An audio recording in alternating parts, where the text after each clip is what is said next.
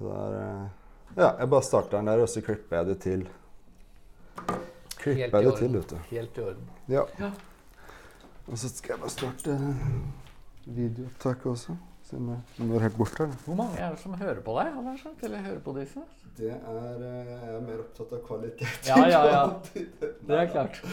Nei, altså jeg tror det er en eh, 100-200 stykker som har vært innom podkasten, som har hørt en, en eller flere episoder. Ja. ja. Så har jeg slitt litt med å komme på iTunes. Ja, Det er der liksom du har det største publikummet. helt klart. Ja. Så jeg håper jo at det løsner litt Uh...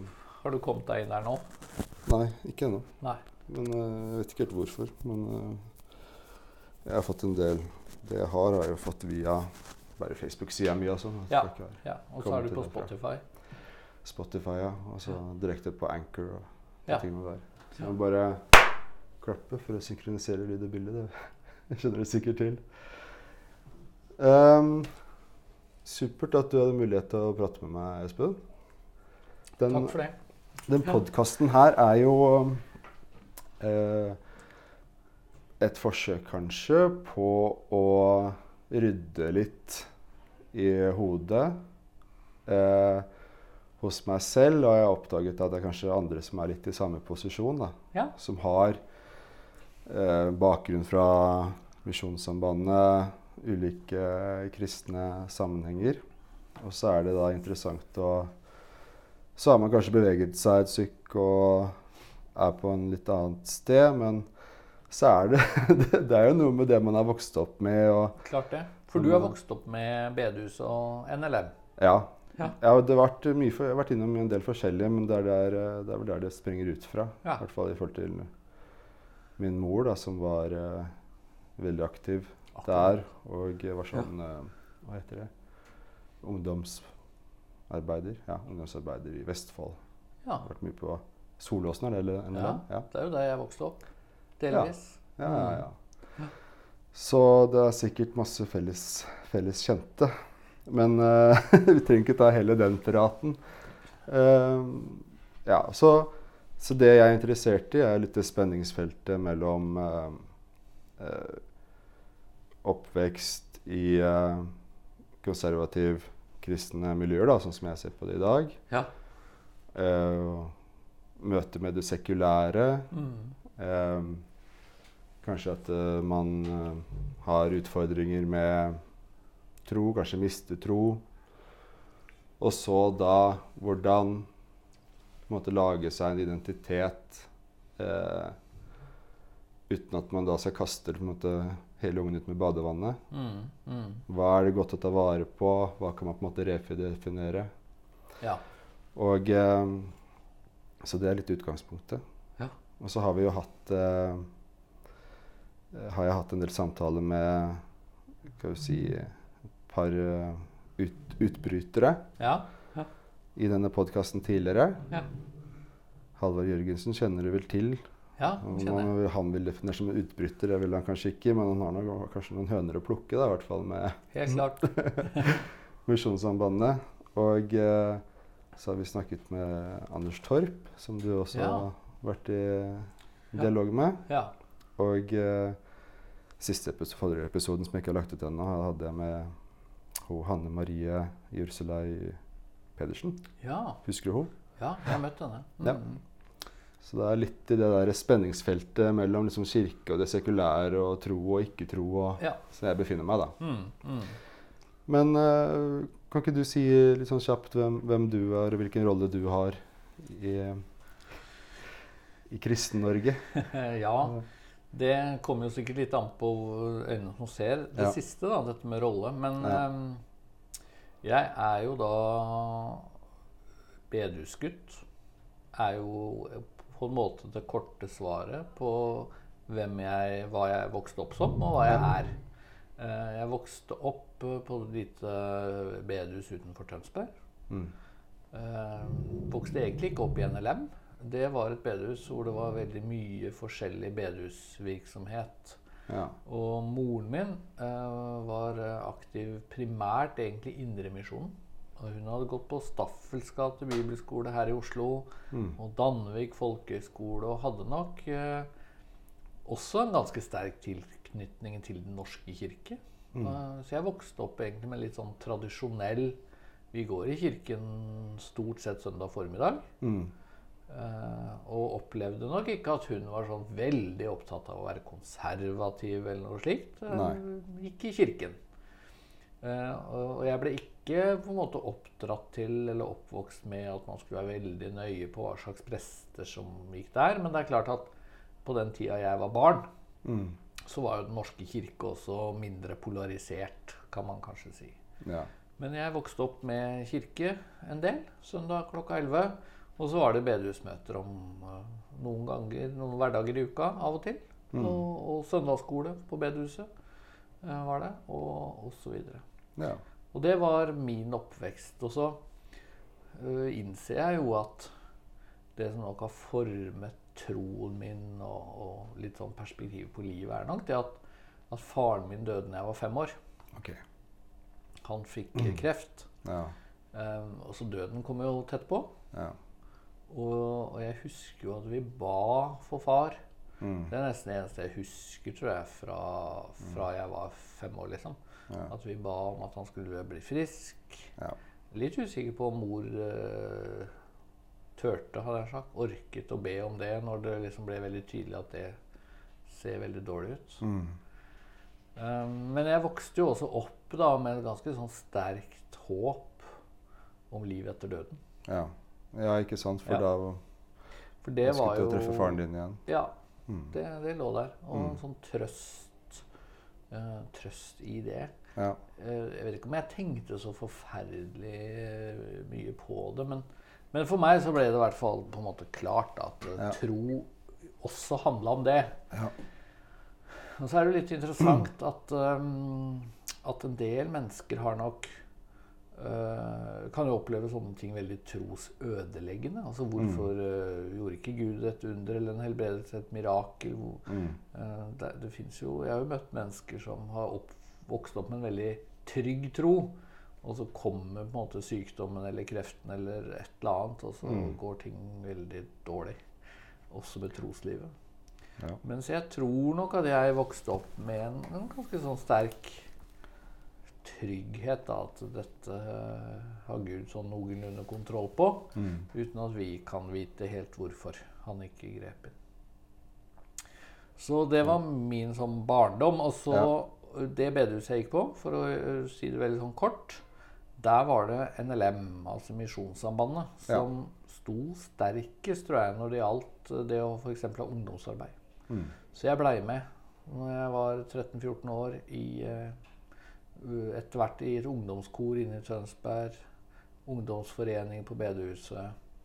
Jeg har aldri gått på noen internatskole. Nei. Nei, jeg har gått glipp av noe. ja. Så jeg gikk på Tønsberg gymnas og, og ble med i skolelaget. Og var nok veldig sånn flink pike, hadde jeg sagt, men det blir jo feil ord. Så snill gutt Mm. som gikk på bedehuset og spilte litt fotball og spilte litt skolekorps, men, men prioriterte høyt og, og fikk venner i kristne miljøer. Ja. Og, og stilte nok ganske tidlig spørsmål. Er, det virkelig, er dette virkelig sant? ja. Jeg tok det ikke for gitt. Jeg har stort sett gått på, i skoler eller på, på skolen og vært den eneste eller de to-tre i klassen som er kristne og sånn. Mm. Så jeg visste jo hele tiden at, at eh, det er mange som tenker annerledes og tror annerledes. ja. Men, eh, men for meg så skapte nok det et sånt ønske om å fordype meg. og jeg, jeg, jeg leste veldig mye Bibelen da jeg var eh, tenåring og gikk Mm. eh, på gymnaset. Og, og opplevde nok også at, eh, at jeg, jeg syntes det var noe spesielt da, med, med disse ordene. Jeg følte at det liksom berørte meg. Det er jo sånn alder hvor man kan virkelig forsvinne litt inn i ting. Ja, absolutt. Ja. Um, så det er meg. Og så har jeg jo da Nå er jeg snart 50 år, så det har jo blitt, blitt noen år som voksen. Og jeg har jo da hatt egentlig hele mitt liv i NLM. Mm. Uh, Utdanna på Fjellhaug, teolog. Vært misjonær i Peru. Ja. Uh, så har jeg nå Som er Kurt Nødland, eller? Ja. Ja. Eller det vil si han var før meg, men jeg vet jo hvem han er. Ja, ja, ja.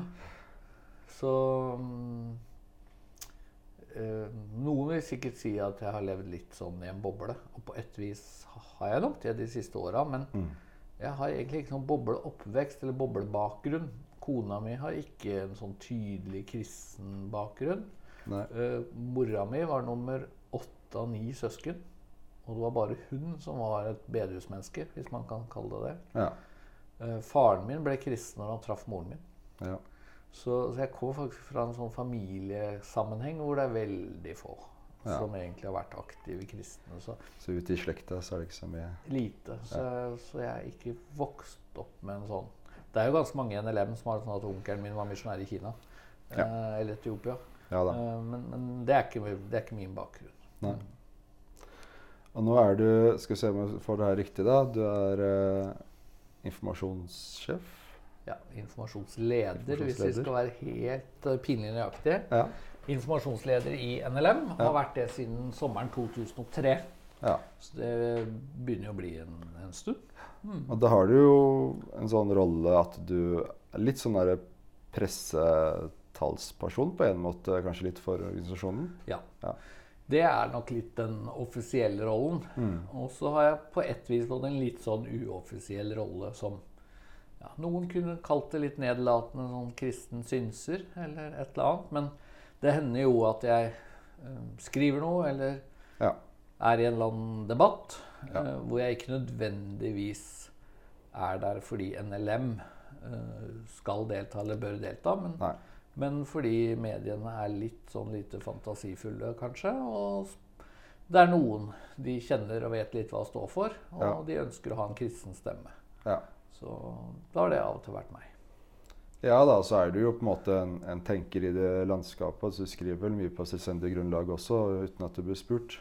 Eh, Ja, jeg gjør det. Ja. Og jeg har jo jeg hadde ni år hvor jeg skrev fast i Aftenposten. Ja. Uh, og så har jeg skrevet jo fast i Dagen og Vårt Land innimellom. Jeg har Mm. hatt et par år nå hvor jeg har skrevet fast i Morgenbladet. ja. Um, og jeg er jo jeg er glad i å skrive, så Ja jeg har skrevet. Så det er jo en tydelig, tydelig på en måte, konservativ kristen stemme i det norske samfunnet. Det vil, Ja. jeg påstå, i hvert fall. Jo, men ja. jeg protesterer ikke på det. Og så er er jo begreper interessante. Ja. Eh, jeg protesterer ikke så veldig når folk sier at jeg er en konservativ kristen, for det, det skjønner jeg at de tenker. og Ja. Og jeg kan bruke uttrykket sjøl også, men av og til så har jeg behov for, eller prøver jeg å si klassisk Ja. eh, kristen. Fordi at eh, konservativ gir jo et sånt Da er du litt sånn siderumpa, du følger ikke helt med i tiden. Ja. Eh, eller, og i verste fall, du er litt sånn reaksjonær. Ja. Mens, mens jeg, jeg, jeg, har, jeg ønsker liksom å ha den identiteten at eh, jeg er bare en vanlig kristen. Mm. Eh, og jeg tror at for 50 år siden så, så vet jeg ikke om noen ville brukt uttrykket at jeg er en konservativ kristen. Da tror jeg han hadde vært ganske sånn mainstream norsk kristen. ja da, de frontene flyttes jo hele tiden. De gjør litt det. Selvfølgelig. Ja. Og noen ville jo sagt at konservativ er for snilt, og kalt det liksom fundamentalistisk kristen, til og med. Ja da, og, selve begrepet fundamentalistisk har gjennomgått masse sånne endringer opp igjennom. Eh, Da det ble lansert i USA, så var det jo noen kristne var ikke det rundt sånn 1916-1918 som kom med en sånn eh, De kom en bokserie som het The Fundamentals. Mm. Som var en sånn serie uh, som skulle slå litt fast hva som er grunnleggende kristendom. Ja. Og de kalte seg jo fundamentalister, eller ble kalt det, og syntes det hørtes fint ut. ja. Mens, mens i dag så blir jo fundamentalisme betraktet som eh, nesten et synonym med å være fanatiker. Ja, det blir vel satt litt i sammenheng med muslimsk fundamentalisme og på en måte terror og Ja. litt sånn radikalisme sånn sett. Det kan det. Mm. Ja. Men uh, når jeg tenker på fundamentalistisk kristendom, så henger vel det sammen med dette med å være bibeltro, i hvert fall Mm. i mitt hode. ja. Hva, hva vil du, hvordan vil du definere det å være bibeltro? Ja, eh, det første jeg vil si, er at jeg tenker at det er viktig. Det er I seg selv? Det ja, altså for meg så er det viktig å ha en høy tillit til Bibelen. Mm. Jeg, og jeg tenker at det er, det er det å være bibeltro, eller vise troskap og tillit til Bibelen. Ja.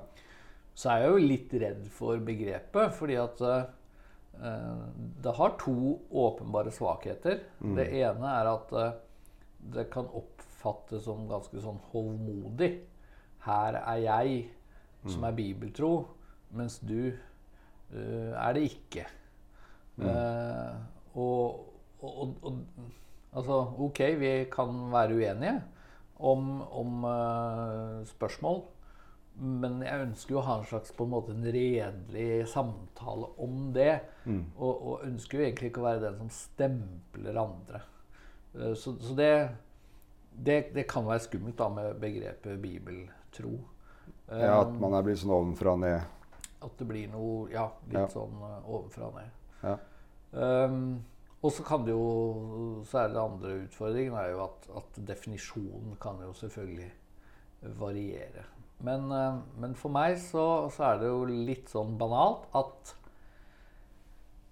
hvis man er kristen, så tror man jo da på budskapet som Jesus og apostlene forkynte. Mm.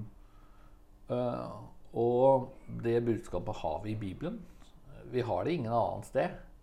Altså Man har det selvfølgelig indirekte i noen bekjennelser Ja. eh, og så videre. Katolikkene ville jo pekt på tradisjonen som helhet. Ja, og katolikkene vil jo snakke om at uh, det er tradisjonen som egentlig har frembrakt Bibelen. Ja. Uh, og, og på ett vis er det sant, og samtidig så tenker jeg at uh, særlig i vår tid så er jo den katolske tradisjonen er så enormt omfangsrik. Ja. Og, og man, det er forholdsvis lett å påpeke også eh, motsetninger og utfordringer. Så, så for meg ligger det litt sånn i sakens natur at er man en kristen, så, så må man på en måte tro på Bibelen.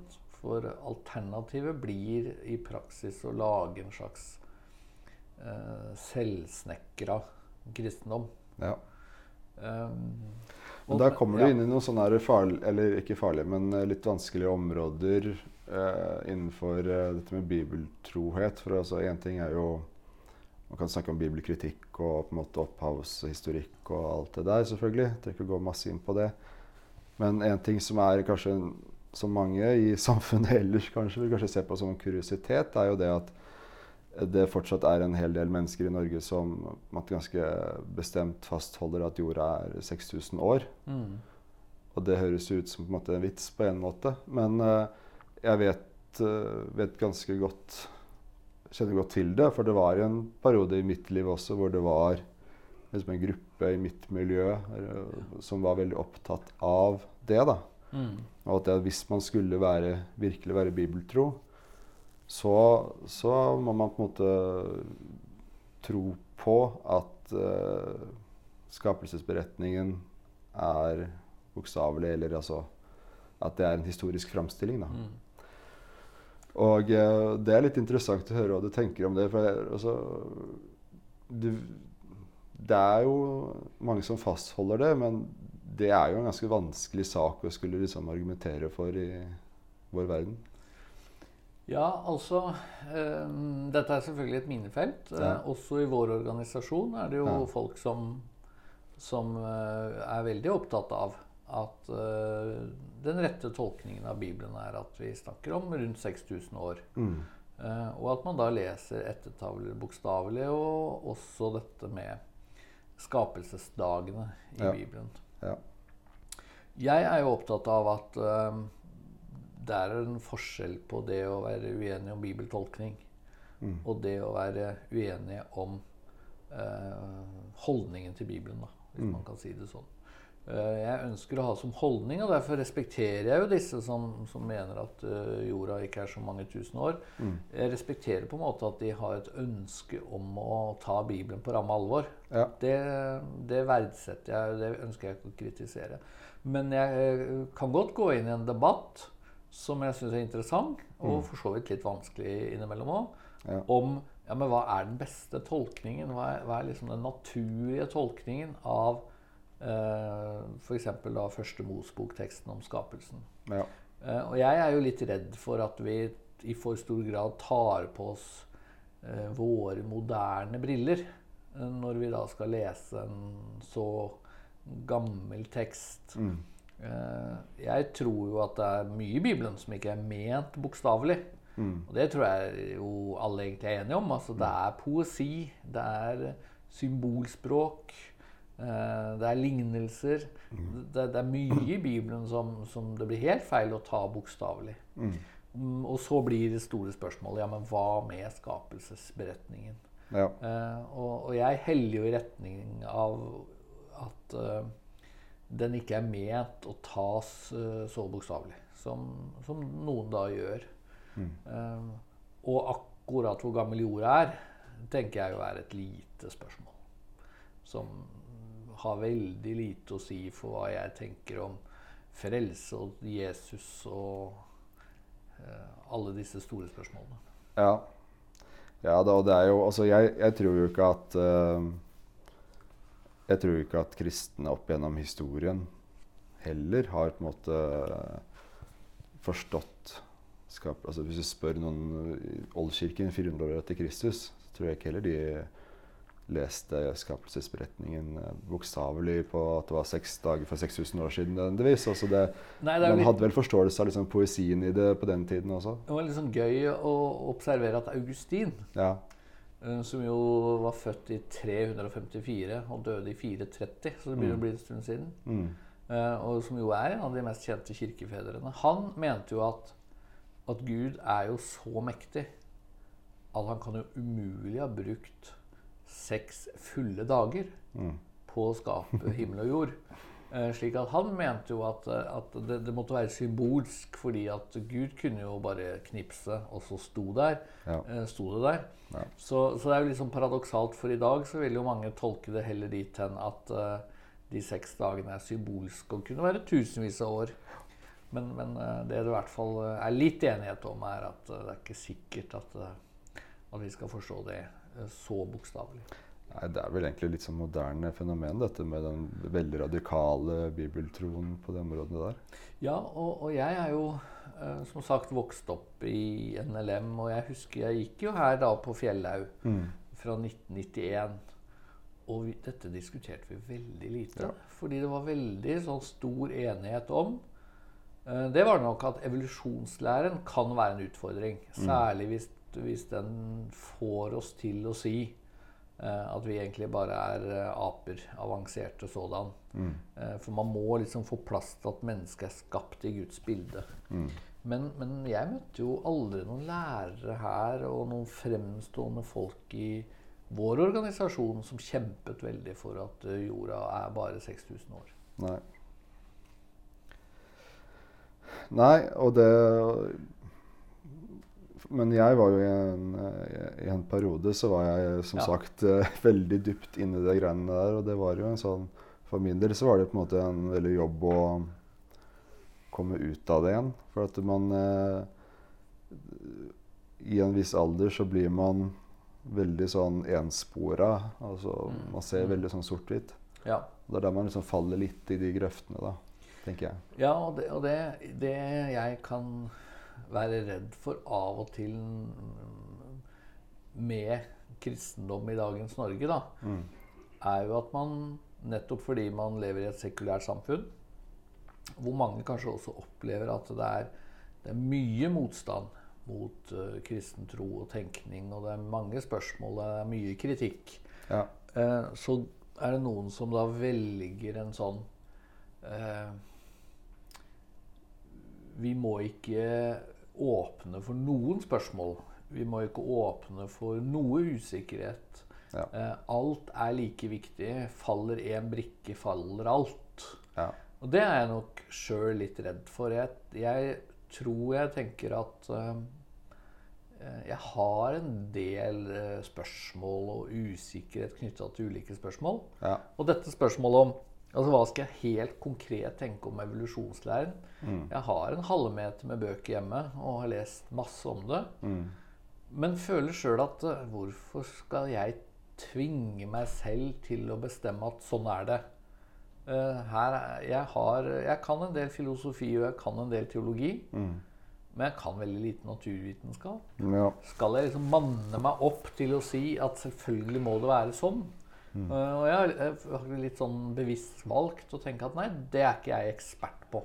Um, og tenker at det å leve med litt usikkerhet, det, det har vi godt av, faktisk. Ja. Du, jeg har lyst til å komme litt inn på disse litt sånn problematiske områdene som, som jeg har diskutert med noen av disse andre jeg har snakket med omkring eh, oppvekst, altså problematiske sider ved oppvekst i konservative kristne menigheter. Og, og eh, sånn som eh, det med ja, Jeg kan bare klippe etterpå. Ja. ja. Jeg sitter egentlig og blir intervjuet. Er du her til halv fire? Da kommer jeg opp. Ehm, ja, når det gjelder oppvekst i konservative kristne menigheter, så er det jo Har jo jeg i hvert fall, da, og, og flere jeg har snakket med, uh, hatt eh, Har jo hatt ting som vi føler har vært, vært vanskelig Mm. med, den, med den oppveksten. Eh, eller deler av konsekvensene av forkynnelsen, eller hvordan man skal si det. da, Ja. Måten man har tenkt på. Ja. Og det dreier seg rundt dette her med samvittighetsspørsmål, eh, helvetes angst og eh, For selv om eh, altså, du og alle andre ledere forkynnere vil jo selvfølgelig liksom peke på frelsen og nåden og seieren på korset og Ikke sant? Mm.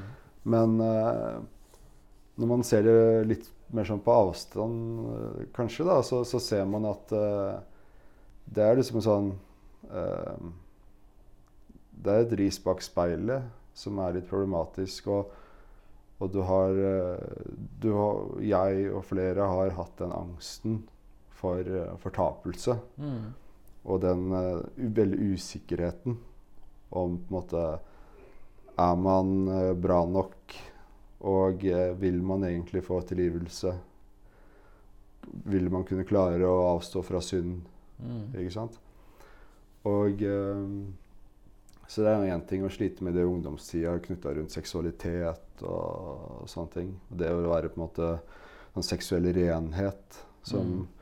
Har vært forsynt også her, vet jeg, men eh, fra min egen erfaring Jeg gikk på bibelskole her, men i andre sammenhenger også. Det er jo ganske tøff eh, tøff oppgave å gi til en tenåring. da. Mm. Å skulle liksom være seksuell ren, og så ikke onanere eller oppsøke pornografi. og Mm. Så det er, det er noen høye lister man legger. Hva, hva, hva tenker du rundt det konkret, da, hvis vi skal snakke om det? Hvordan man på en måte forkynner, snakker om det rundt eh, til, eh, til ungdom? Jeg, jeg tenker jo det, er- det er jo ganske mye å si, og noe av det som gjør det eh, kjempevanskelig, også som forkynner, da, som jeg av og til er når jeg skal undervise om dette. Og jeg gjør jo det innimellom Mm. uh, i ulike sammenhenger. Snart er jeg kanskje for gammel om å slutte og prøve å gi ungdommen råd og tips. Men, men noe av det vanskeligste er jo at jeg innser jo at uh, ungdom er veldig forskjellige. Og vi Mm. mennesker er ganske forskjellige på, på ja, hvor dypt vi blir berørt, f.eks. Mm. Um, altså når noen forkynner da om seksuell renhet, Mm. og f.eks. sier, som jo jeg mener man bør si, at uh, man bør vente med seksuelt samliv til ekteskap. Er det eh, noe som man opplever som et godt råd? Som et eh, ideal å strekke seg etter? Oppleves det sånn? Eh, også rådet 'hold deg unna pornografi', som jeg tenker det er, Jeg anbefaler jo folk å gjøre det. Mm. Og jeg vet det er kjempevanskelig. Uh, og det er blitt mye vanskeligere i dag enn det var i min tid. Altså Mm. med internett, uh, internettets muligheter. Men, men altså, er det noe som oppleves uh, som tyngende? Er det noe som gnager samvittigheten så det går omtrent på livskvaliteten løs? Mm. Eller klarer man å, å, å tenke at um, ja, men nåden gjelder jo, tilgivelsen gjelder. Eh, Jesus har jo sagt uh, om man synder syv ganger 77 eh, ganger, så, så skal man tilgi eh, hverandre. Altså, hva, hva er på en måte det som dominerer? Og der tror jeg vi er forskjellige. Altså Min erfaring sjøl var jo at at eh, Ja, nå tror jeg ikke jeg vokste opp med veldig mye sånn alvorlig uh, forkynnelse om helvete og fortapelse og den slags. Så, så jeg og, og har på en måte ikke så mye anstrengt i eget liv på det. Da er du heldig, kanskje, da. Ja, kanskje. Og, og men, men så er, er, jo Jeg lurer litt på er det fordi jeg ikke hørte det, eller er det fordi det traff meg på en litt annen måte. Mm. Og det samme gjelder jo med forkynnelse knytta til seksualitet. Er det slik at uh, ting prelte litt mer av Mm. på meg, da, for, å, for å si det sånn? Mm. Har jeg en litt mindre følsom samvittighet? Når blir samvittigheten overfølsom? Jeg tror, vi, jeg tror vi bare må erkjenne at vi mennesker er veldig forskjellige. Ja. Eh, og jeg, jeg tenker at av og til så sammenligner jeg jo dette spørsmålet med et, et annet spørsmål som er interessant, og det er hvis du blir kritisert av et menneske, og så får du et godord etterpå, så er det mange som tenker at ok, det går opp i opp. Du får en kritikk, og så får du ros. Men så er det noen forskere som har forska på det der og funnet ut at hvis et menneske får en kritisk bemerkning, så må vedkommende få seks positive bemerkninger før det går i null. Mm. Og sånn er det visst også ofte inne i et ekteskap. Altså Hvis du krangler med kona di, så bør du ha liksom seks gode opplevelser med kona di for å oppleve at dagen gikk sånn ganske på det jevne. Ja. Og sånt har jeg begynt å tenke litt om forkynnelse òg. At uh, hvis man skal tale alvorlig, eller, eller på en måte trekke fram da syndens alvor, eller et eller annet sånt, Ja. Så må man kanskje seks ganger løfte fram nåde, tilgivelse, Gud er god, eh, alle disse tingene.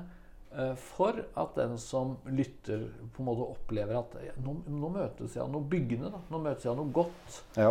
Og der eh, tenk, tror jeg jo at det har vært eh, for mye forkynnelse i bedehuskretser, og særlig sikkert for 20-30-40 år siden, som totalt sett hadde for mye uh, synd og alvor og advarsler ved seg. Ja. Slik at, at uh, nåden ble liksom noe man bare slang på til slutt. Uh, og, men, men det liksom Det var ikke det som dominerte, da. Og jeg, og jeg vil jo det. Jeg tenker jo på det i møte med egne barn. At at jeg, jeg ønsker å gi dem at det er det gode som dominerer. Mm. Og så, blir vi jo kanskje da litt uenige om Hadde løsningen vært at uh, vi bare slutta å snakke om seksuell renhet? Slutta å si at pornografi var et problem? Nei, men altså det med pornografi? Altså det, er, det er ikke så mange som vil være uenige eller krangle masse på eller Det, det fins selvfølgelig en del som vil krangle på det, men det å på en måte liksom advare mot Ja. problemer med pornografi Jeg tror det er veldig Det- få fedre som vil si til 14-åringene sine at det her er en god nettside. Så, si sånn. ja. Ja. Men altså så det og, at, og klart at det er masse etiske utfordringer med pornografi i forhold til utnyttelse av kvinner osv. Ja. osv. Ja. Eh, og, og på en måte samme så er det jo fornuftig å på en måte være tilbakeholden med, med altså, sex eh, tidlig. sant? Ja. Det er fornuftig. Ja. Og det er det mange helt sekulære som er enige om at det bør- være en viss alder. Og, Ja, ja. og så er det ikke alle som er enige om at det om man er gift eller ikke er så viktig, men man liksom, ja, det har noe med modenhet og sånne ting. Ja. Men eh, måte, det som man har drevet med, da, å på en måte utfordre eh, unge gutter for eksempel, da, til å avstå fra å onanere, Mm. Sånn som man har gjort, Ja. det, er jo en, det er jo veldig vanskelig. Ja. For at, altså, det er mye som på en måte, Forskning tyder på at det er sunt liksom, å ha en utløsning om dagen. At det kan forebygge prostata. og så Det er mye Ja. naturlig ved det. da. Ja. Og, eh, og det trenger ikke være knytta mot sex med en annen person eller mot eh, pornografi heller. sant? Nei, Så, og, og da vil jo, så vil man si at det også i seg selv er feil. For liksom da man viser man til Matteus og det, den som allerede har sett på en kvinne Eller. Ja. Mm.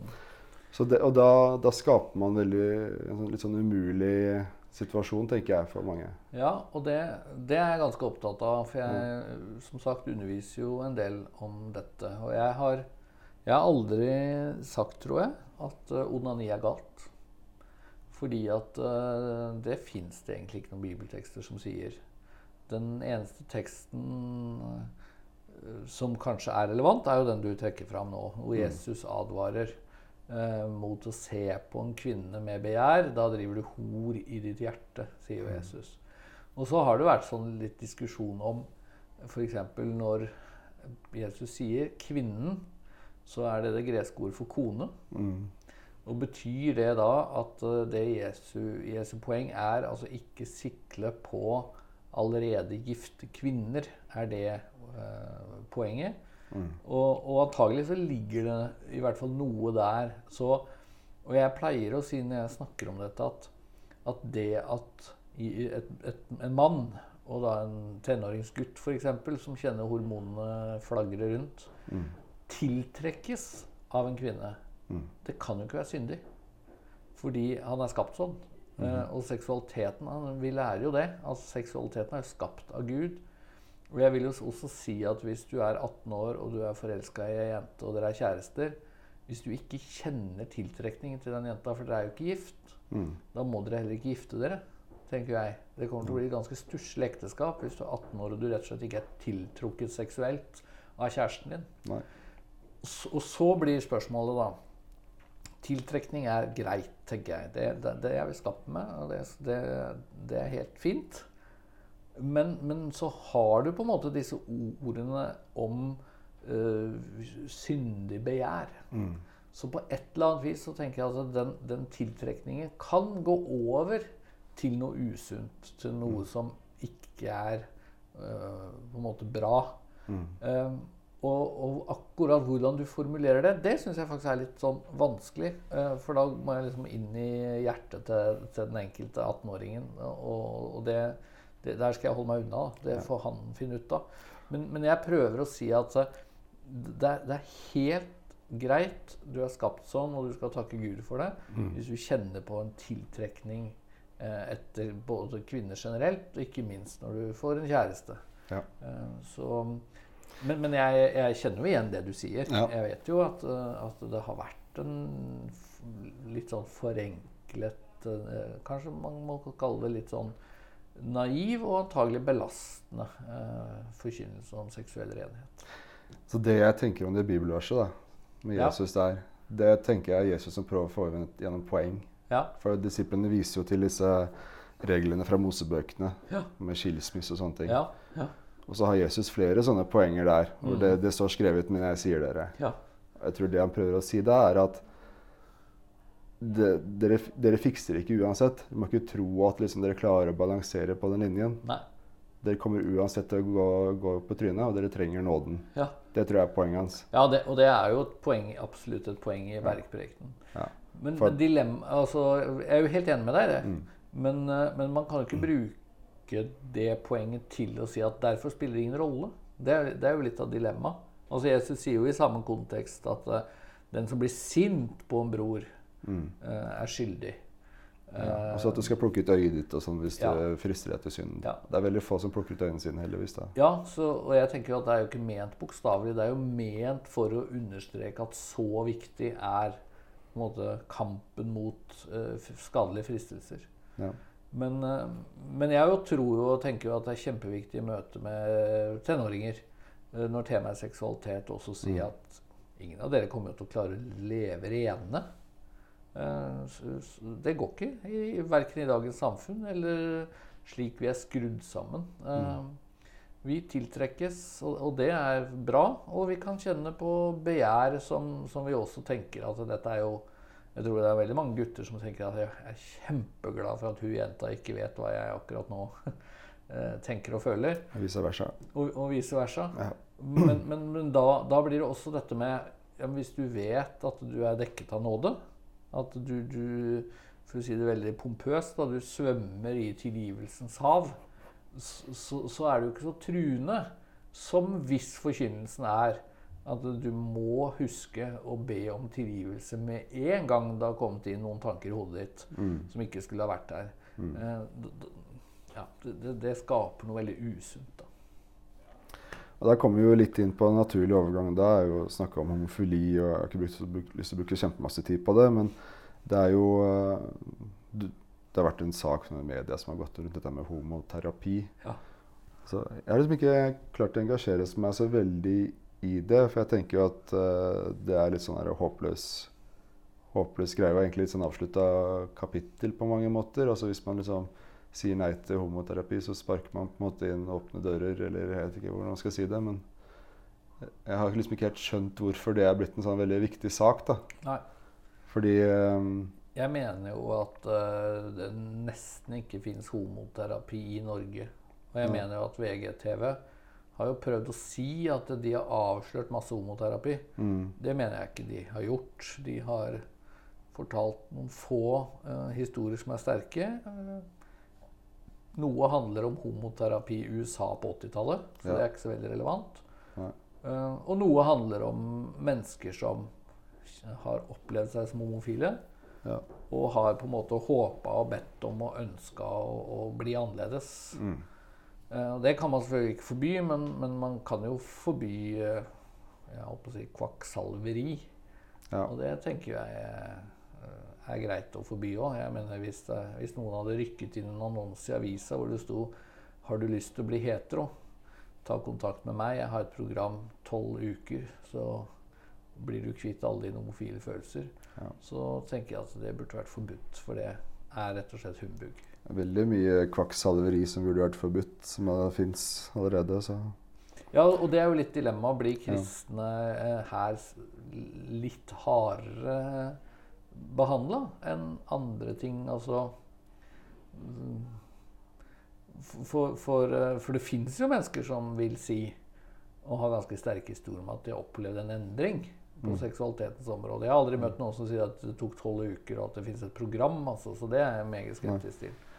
Men, eh, men det kan jo ikke være forbudt eh, for et menneske å fortelle heller at eh, jeg er ikke så homofil nå som jeg var før. Så jeg syns dette har vært en interessant, men ganske vanskelig debatt. Men ja. jeg har jo sjøl møtt ganske mange homofile som sier at jeg ba til Gud i ti år om, om at han skulle ta bort homofilien min, Mm, og det skjedde ingenting. mm, Og jeg har tenkt at jeg vil i hvert fall snakke om dette på en måte som jeg ikke legger sten til den byrden. ja. Eh, og det gjør at jeg er urimelig skeptisk i hvert fall til å signalisere at selvfølgelig går det an å bli kvitt homofili. Eh, det stikker mye dypere. Og det opplever vi alle, at seksualiteten er ganske grunnleggende. Altså jeg tenker jo at det, det, er vel slags, det er vel en slags skala. Hvor man er på ene eller andre siden. Og så er det, vel, er det vel på en måte går det an å treffe litt sånn midt på en eller annen plass også, kanskje. Og Ja, biseksualitet er jo et kjent fenomen, så, Ja.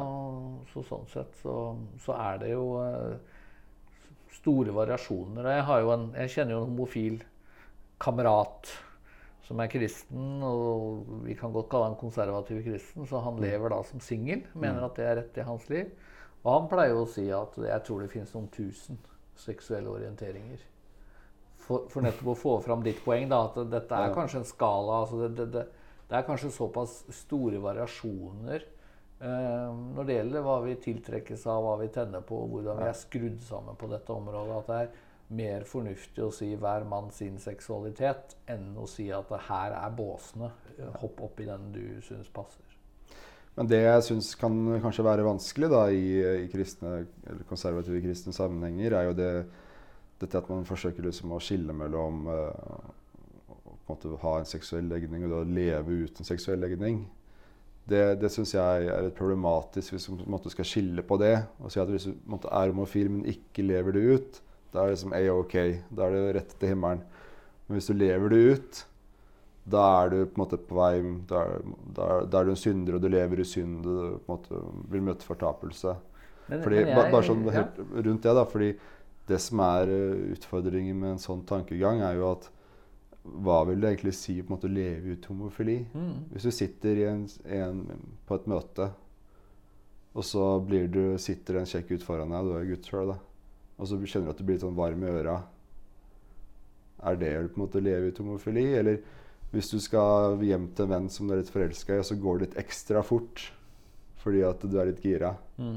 Altså, det er jo altså, det, er, det, er, det, er, det er noe mellom å på en måte være avstående og på en måte ha penetrativ sex. Ikke sant? Du har et spekter der av følelser og drifter og Ja, jeg kan jo svare på hvordan jeg kommuniserer rundt dette. For at Ja. jeg tror jeg aldri har snakket om å leve ut. Nei. Eh, prøvd å unngå det. Eh, jeg tror jeg prøver å være helt konsekvent på at jeg snakker om at det som er på en måte galt, da, slik jeg opplever at Bibelen snakker, det er homofilt samliv.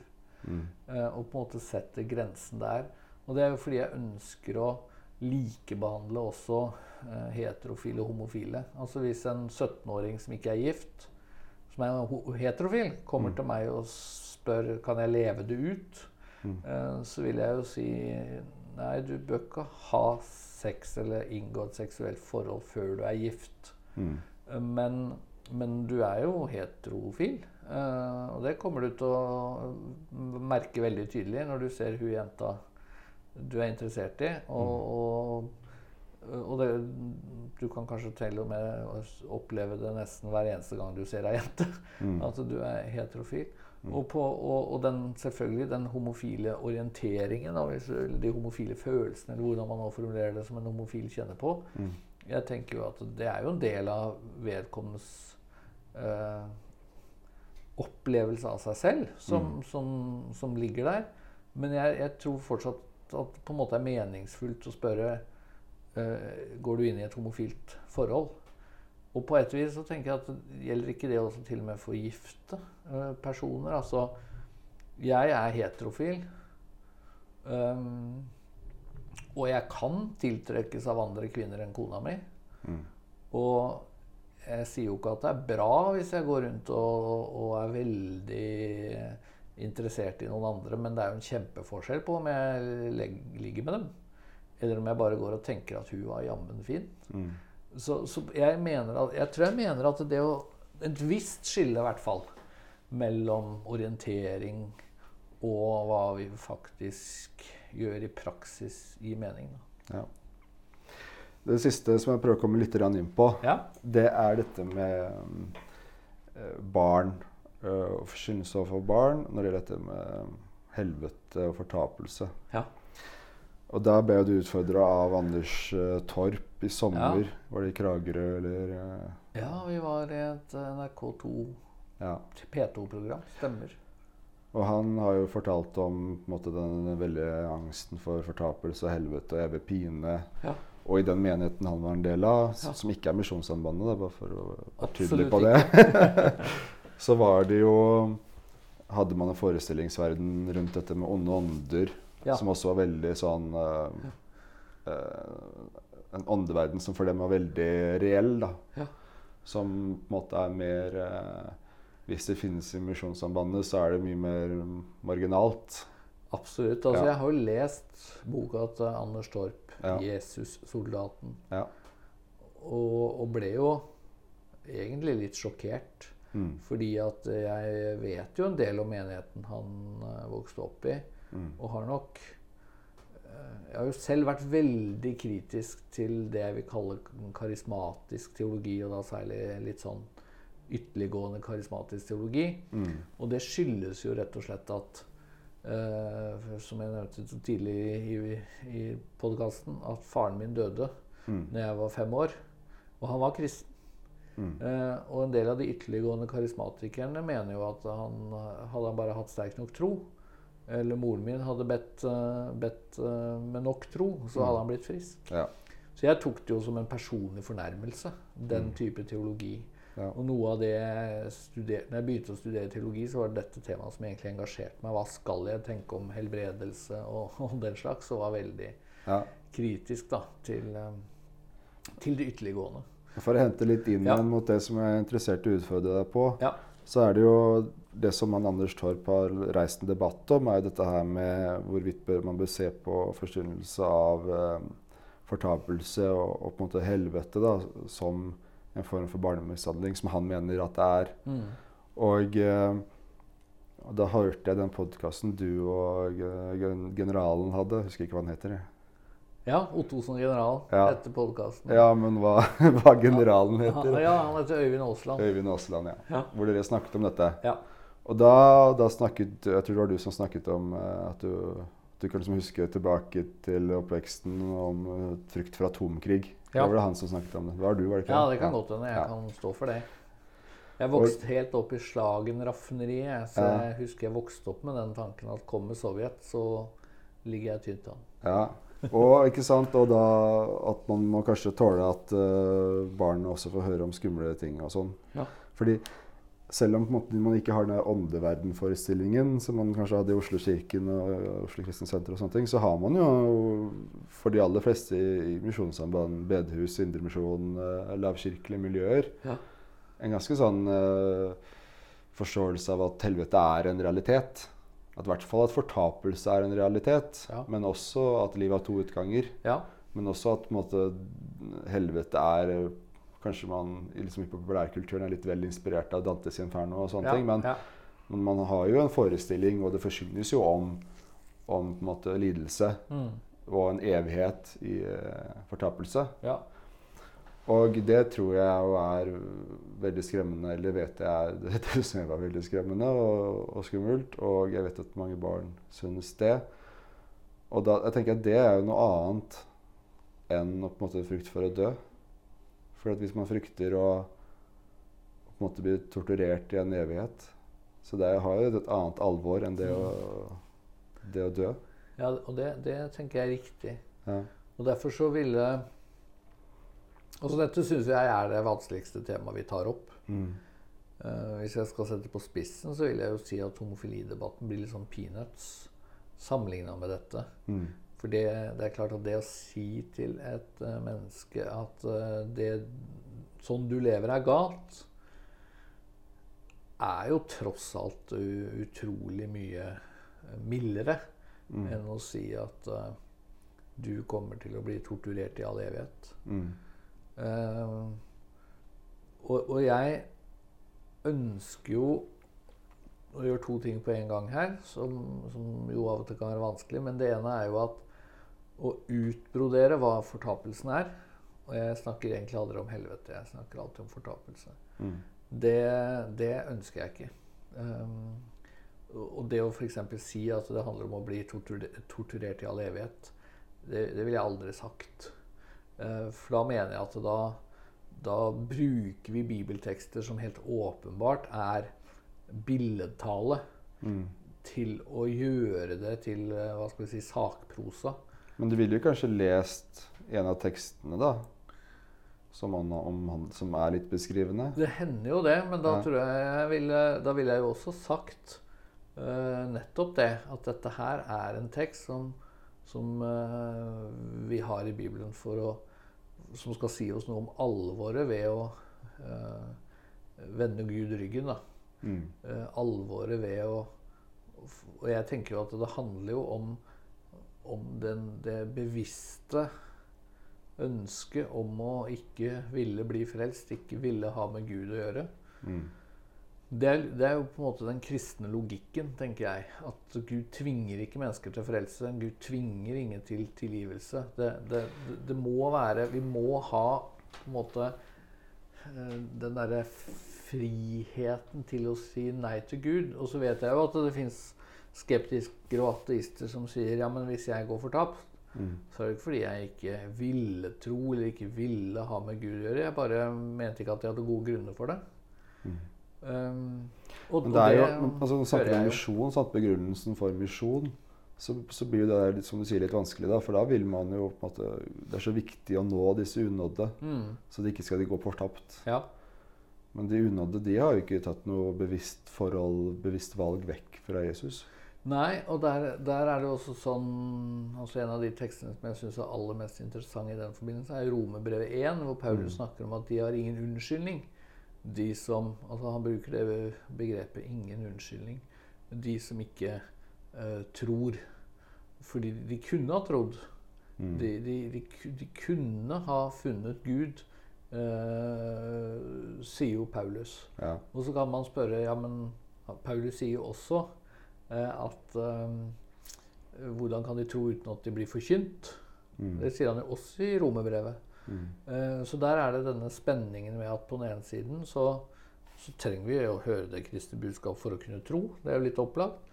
Og på den andre, annen side så, så virker det som Paulus også tenker at at i hvert fall ideen om at det fins en gud, den, eh, den trenger man ikke å få forkynt for å få den ideen.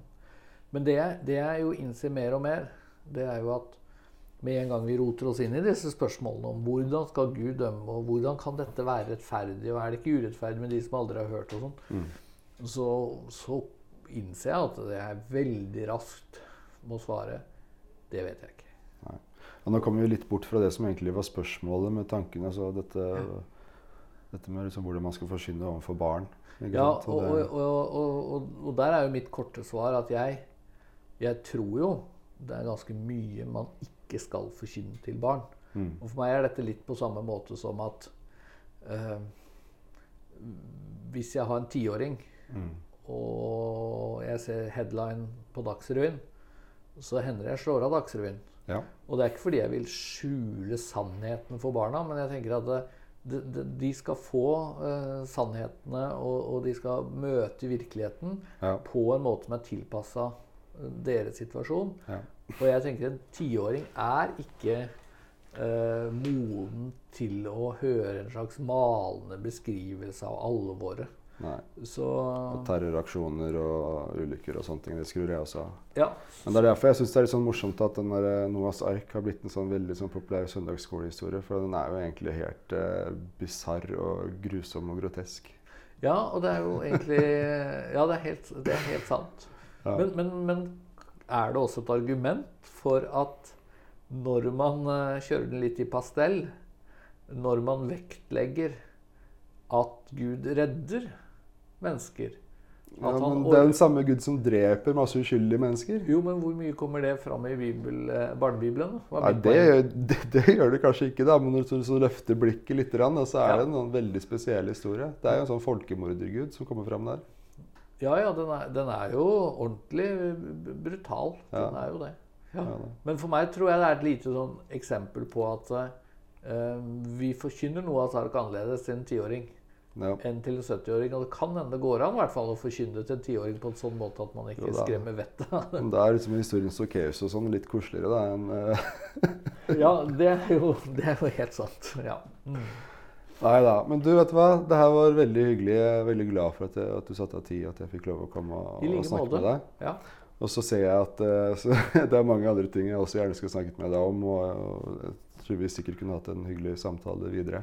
Helt sikkert. Men vi får begrense omfanget. eh, kanskje vi kan prøve en annen gang? Gjerne det. Ja. Helt supert. Takk skal du ha. I like måte. Ja. Ja. Du har du fulgt tida godt.